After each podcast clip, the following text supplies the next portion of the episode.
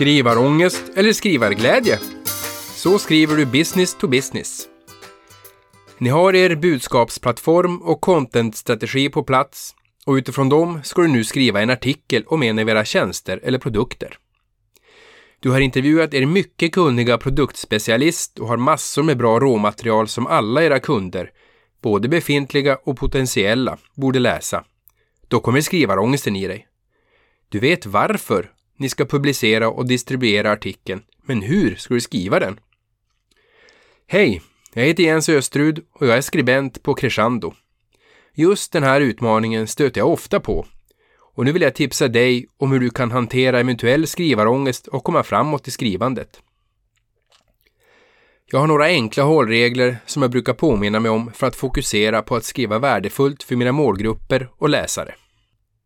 Våga välja och välja bort. När du sitter där med frågor och svar från intervjun och ett produktblad framför dig, då kanske du undrar hur du ska kunna destillera allt det här till en läsbar och värdefull artikel. Du vill ju gärna få ut så mycket bra fakta som möjligt, men ändå inte skryta för mycket över eran förträffliga produkt. Inom B2B handlar kommunikationen ofta om att sälja utan att vara säljig. Ni vill hellre positionera er som kunskapsledare och rådgivare inom ert område. Med så mycket råmaterial som du har nu skulle du kunna skriva flera fullspäckade sidor med rubriksfähiga citat, intressant historik och detaljerad produktinformation. Men då kommer du fastna i flera dagar med att skriva artikeln och dessutom kommer nog inte läsarna vilja ta sig igenom allt. Så hur kan du göra? Det viktigaste jag lärde mig på journalistprogrammet var att välja bort. Det är väldigt lätt att hitta mycket information genom intervjuer, databaser, video och allt annat innehåll som finns.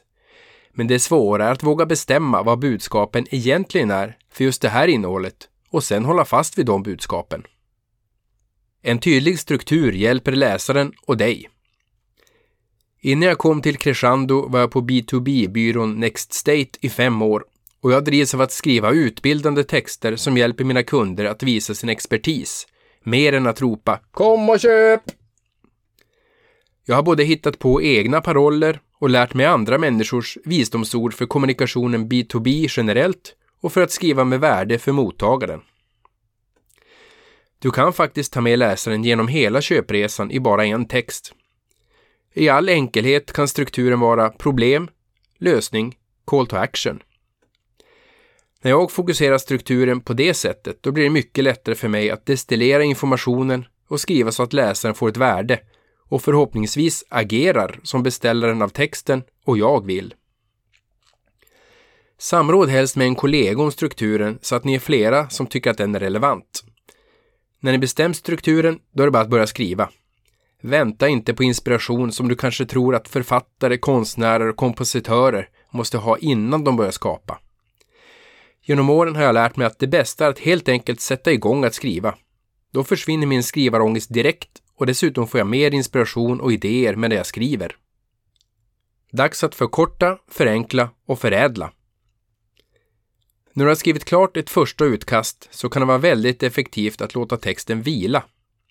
Gör och tänk något helt annat och läs sedan texten med fräschare ögon. Be gärna också någon annan att läsa igenom den. Om du tycker att strukturen håller så är det dags att förbättra texten. Ett ganska vanligt misstag är att skriva för långt. Och jag brukar påminna mig om en bra hållregel som jag lärde mig på en skönlitterär skrivarlinje på en folkhögskola. Vår huvudlärare sa ofta till oss att den viktigaste tangenten på tangentbordet är delete. När du mest troligt har förkortat texten är det dags att gå in på detaljer som ordval, meningsbyggnad och läsförståelse. Mitt råd är framförallt att hålla meningarna lagom långa och bara ha ett budskap per mening. Min egen paroll är Våga sätta punkt. Till sist vill jag ge dig mina fem tips för att skriva med värde för mottagaren. 1. Skriv enligt strukturen problem, lösning, call to action. 2. Få fram vad läsaren ska veta, känna och göra. 3. Håll meningarna lagom långa och enkla. 4. Se till att minst en annan person korrekturläser. 5. Hjälp läsaren att enkelt hitta till annat värdefullt innehåll. Tack för att du har lyssnat!